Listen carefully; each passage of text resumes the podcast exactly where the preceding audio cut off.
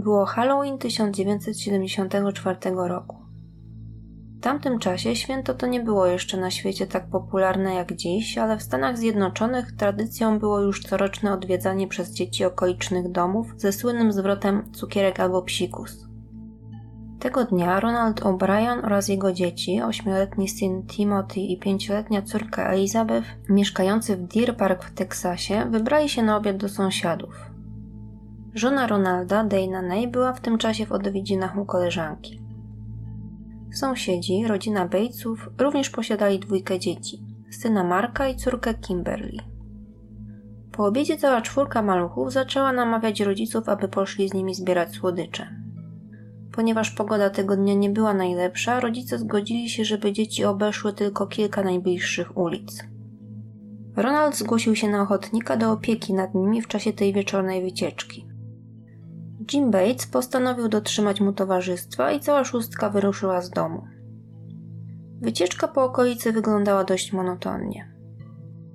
Przy każdym z domów Ronald podchodził razem z dziećmi pod drzwi sąsiadów, a Jim w tym czasie czekał na nich na chodniku.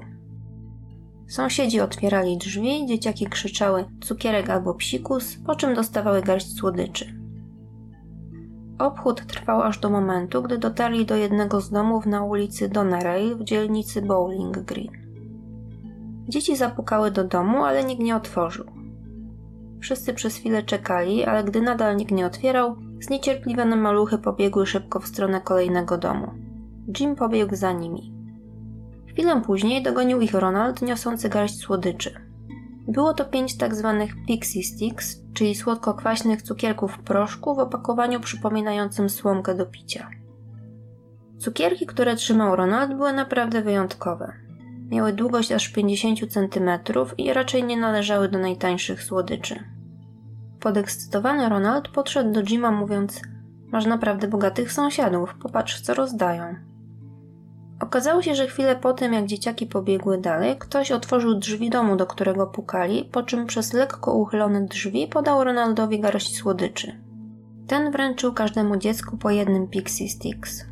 Dzieciaki ogromnie ucieszyły się na ich widok, ale oczywiście nie miały dość zbierania, więc cała szóstka podążyła dalej. Dalsza wycieczka nie trwała długo ze względu na pogarszającą się pogodę. Gdy wracali, Timothy spotkał swojego dziesięcioletniego kolegę, którego znał z kościoła. Ponieważ dzieci O'Brienów i Batesów dzieliły się słodyczami porówno, tak by było sprawiedliwie, a Pixie Sticks było w sumie pięć, Ronald wręczył piątego cukierka koledze syna. Gdy cała szóstka wróciła do domu Batesów, rodzice stwierdzili, że zrobiło się już na tyle późno, że dzieciaki powinny powoli szykować się do spania. Ronald zabrał więc swojego syna i córkę do domu. Po powrocie do domu dzieci państwa O'Brien umyły się i przebrały w piżamy. Timothy przed pójściem spać zapytał ojca, czy może zjeść jeszcze jednego ostatniego cukierka. Ten zgodził się, a chłopiec wybrał oczywiście największy cukierek jaki miał, czyli właśnie 50-centymetrowy Pixie Sticks. Timothy miał problem z otworzeniem go, więc poprosił tatę o pomoc. Gdy zaczął jeść cukierka, stwierdził, że smakuje on dziwnie. Odłożył go, ale nie mógł się pozbyć nieprzyjemnego posmaku w ustach, więc ojciec podał mu coś do picia, aby mógł przepłukać usta.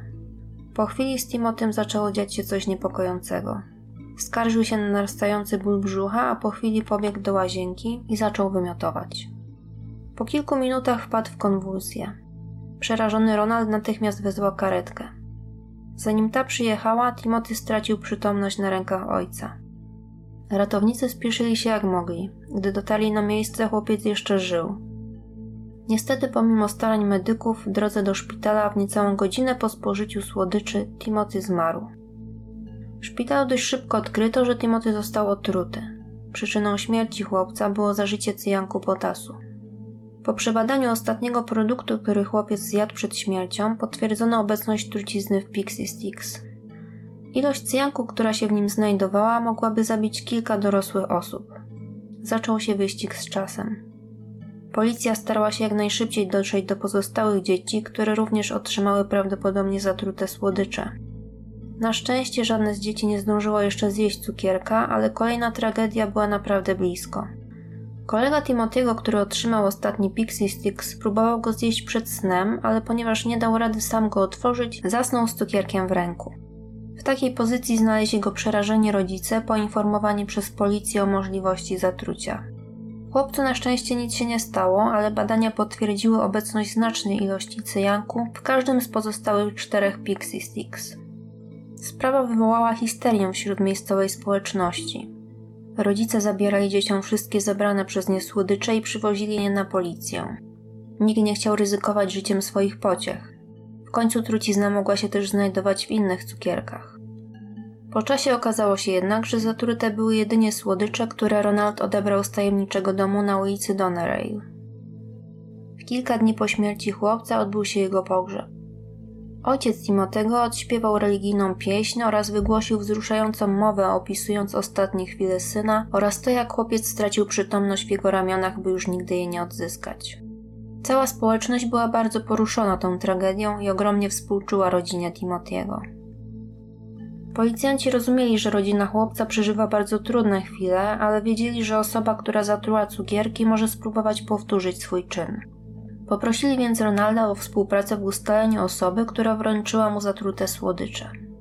Mężczyzna początkowo miał problem z przypomnieniem sobie, w którym domu otrzymał cukierki. Pamiętał jedynie, że widział tylko owłosioną rękę mężczyzny, któremu je wręczył. Policjanci poprosili Ronalda, aby towarzyszył im w obchodzie ulicy, mając nadzieję, że na miejscu Ronald przypomni sobie coś więcej. Będąc na ulicy Donneray, mężczyzna faktycznie przypomniał sobie, z którego domu pochodziły słodycze. Dom był własnością mężczyzny o nazwisku Courtney Melvin. Natychmiast stał się on głównym podejrzanym, ale na krótko – Okazało się, że mężczyzna pracuje na lotnisku jako kontroler ruchu, a w Halloween miał dyżur do godziny 23, co mogło potwierdzić kilku świadków. Nie on zatem wręczyć Ronaldowi słodyczy. Pan Melvin był pewien, że nie było możliwości, by ktoś inny w halloweenowy wieczór był w jego domu i rozdawał dzieciom cukierki. Historia, którą opowiedział Ronald, zaczynała wyglądać podejrzanie. Postanowiono więc bliżej przyjrzeć się ojcu zmarłego chłopca. To, co odkryto, zszokowało całą miejscową społeczność. Wyszło na jaw, że przemiły człowiek, ojciec rodziny, osoba udzielająca się w chórze kościelnym, tak naprawdę może mieć wiele przykrych tajemnic. Po pierwsze, Ronald był znacznie zadłużony. Jego dług wynosił w momencie śmierci chłopca blisko 100 tysięcy dolarów. Mężczyzna miał znaczne problemy z utrzymaniem pracy. W ciągu ostatnich 10 lat pracował w aż 21 różnych miejscach. Ciągła zmiana pracy nie ułatwiała spłaty zadłużenia. Dodatkowo zanosiło się, że wkrótce zostanie zwolniony z obecnej posady optyka, ponieważ podejrzewany był przez pracodawców o kradzież. Jego problemy finansowe były na tyle poważne, że groziła mu utrata samochodu, a nawet domu, pod hipotekę którego zaciągnął wcześniej pożyczki. Policja odkryła, że kilka miesięcy przed śmiercią Timothy'ego Ronald wykupił polisy ubezpieczeniowe na życie swoich dzieci. Kilka wykupionych polis opiewało w sumie na kwotę 60 tysięcy dolarów, które miały być wypłacone w przypadku śmierci syna i córki. Żona Ronalda utrzymywała, że nie wiedziała nic o polisach ubezpieczeniowych na życie jej dzieci.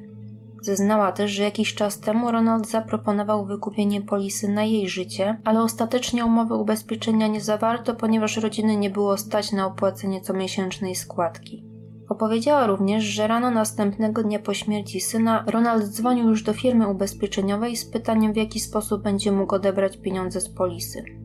Wtedy nie wydawało jej się to aż tak dziwne, pieniądze były im przecież potrzebne na pokrycie kosztów pogrzebu. Gdy jednak Dana dowiedziała się o tym, że polis było kilka, zaczęła mieć wątpliwości co do intencji męża. Przerażenie budziła myśl, że Ronald mógł planować zamordowanie całej swojej rodziny. Policja miała jednak na razie tylko podejrzenia niepotwierdzone dowodami. Wkrótce na jaw wyszły jednak jeszcze inne fakty. Sprzedawca sklepu z artykułami chemicznymi w Houston zeznał, że Ronald na kilka dni przed Halloween pytał w jego sklepie o produkt zawierający cyjanek. Nie zakupił go, ponieważ stwierdził, że jest zbyt drogi. Z kolei jeden ze znajomych Ronalda, pracujący swego czasu w fabryce produkującej różnego rodzaju chemikalia, zeznał, że Ronald wypytywał go kilka miesięcy wcześniej o działanie cyjanku oraz o to, jaka dawka może okazać się śmiertelna dla człowieka. Wiele wskazywało na to, że Ronald mógł być sprawcą otrucia syna. Nie udało się jednak potwierdzić, czy i gdzie kupił truciznę, ani uzyskać dowodów bezpośrednio wiążących Ronalda z zatrutymi cukierkami – Sam mężczyzna nie przyznawał się do winy, pomimo tego w dniu 5 listopada 1974 roku został aresztowany i oskarżony o zabójstwo syna oraz o usiłowanie zabójstwa kolejnych czterech osób. Proces rozpoczął się 5 maja 1975 roku. Prokuratura dysponowała w procesie jedynie zeznaniami świadków. Wspomniani wcześniej właściciel sklepu oraz znajomy Ronalda potwierdzili jego zainteresowanie cyjankiem potasu przed śmiercią Timotiego. Sąsiad z kolei zeznał, że to właśnie Ronald wręczył dzieciom zatrute słodycze. Motywem zbrodni miały być według prokuratury kłopoty finansowe Ronalda, co potwierdzać miały wykupione polisy ubezpieczeniowe. Przypuszczano, że Ronald planował otruć grupę dzieci, tak by zmylić śledczych. Wiedział, że jeśli tylko jego dzieci zostaną otrute, policja może skupić swoje podejrzenia właśnie na nim. Obrońcy Ronalda z kolei obrali dość ciekawą linię obrony. Posiłkowali się miejską legendą dotyczącą szalonego truciciela, który miał rozdawać w Halloween cukierki pokryte trucizną lub owoce nafaszerowane igłami czy też żyletkami. Obrona próbowała zrzucić winę właśnie na tego niezidentyfikowanego złoczyńcę. Problem w tym, że nikt nie mógł potwierdzić, że legenda ta jest prawdziwa. Nie znano bowiem żadnego udokumentowanego przypadku potwierdzającego to, by ktokolwiek kiedykolwiek wcześniej został poszkodowany przez zjedzenie halloweenowych słodyczy. Pomimo braku dowodów rzeczowych, sprawa była mimo wszystko dość oczywista. Ława przysięgłych potrzebowała kilkudziesięciu minut na uznanie Ronalda winnym zarzucanych mu czynów oraz skazanie go na karę, której w tym wypadku żądał prokurator, czyli karę śmierci. Prasa nadała Ronaldowi przydomek Candyman oraz opisywała go jako osobę, która zrujnowała Halloween. W jakiś czas po morderstwie ludzie zastanawiali się bowiem, czy święto to nie powinno być zlikwidowane. Wielu rodziców do dziś obawia się, że komuś znowu może przyjść do głowy zatrucie słodyczy wręczanych ich dzieciom. Żona Ronalda nigdy nie była w stanie wybaczyć mu tego, co zrobił. Krótko po ogłoszeniu wyroku rozwiodła się z nim, a po kilku latach związała z innym mężczyzną, który adoptował córkę Dana i Ronalda, Elizabeth. W trakcie pobytu w więzieniu Ronald nie miał łatwego życia. Opuszczony przez rodzinę i przyjaciół, czuł się podobno bardzo samotny. Dodatkowo był prześladowany przez współwięźniów. Nawet najgorsi przestępcy uważali bowiem, że zabójstwo dziecka, w dodatku własnego syna, dla pieniędzy jest czymś zupełnie poniżej godności człowieka. Adwokat Ronalda cztery razy składał wniosek o odroczenie egzekucji. Trzy razy wniosek został rozpatrzony pozytywnie. Ostatni wniosek został odrzucony i w dniu 31 marca 1984 roku, 10 lat po śmierci Timothy'ego, wykonano wyrok śmierci poprzez podanie Ronaldowi O'Brien śmiertelnego zastrzyku. Do ostatnich chwil Ronald twierdził, że był niewinny. Wydarzenia, które miały miejsce w Halloween 1974 roku, do dziś przerażają i zadziwiają. Wielu osobom trudno nawet wyobrazić sobie, że ktoś byłby w stanie zabić własne dziecko tylko dla pieniędzy, próbując też otruć dla niepoznaki dzieci sąsiadów. Niewiele brakowało, aby kolega Timotiego stał się kolejną zupełnie przypadkową ofiarą. Biorąc pod uwagę to, że Ronald umieścił w cukierkach ilość trucizny, która byłaby w stanie zabić ponad 10 dorosłych osób, trzeba przyznać, że cała historia mogła się skończyć o wiele bardziej tragicznie. Dzięki szybkiej reakcji policji i rodziców udało się zapobiec kolejnym śmiertelnym zatruciom, ale niepokój związany ze świętem Halloween unosił się w Teksasie jeszcze wiele lat po śmierci Timothy'ego.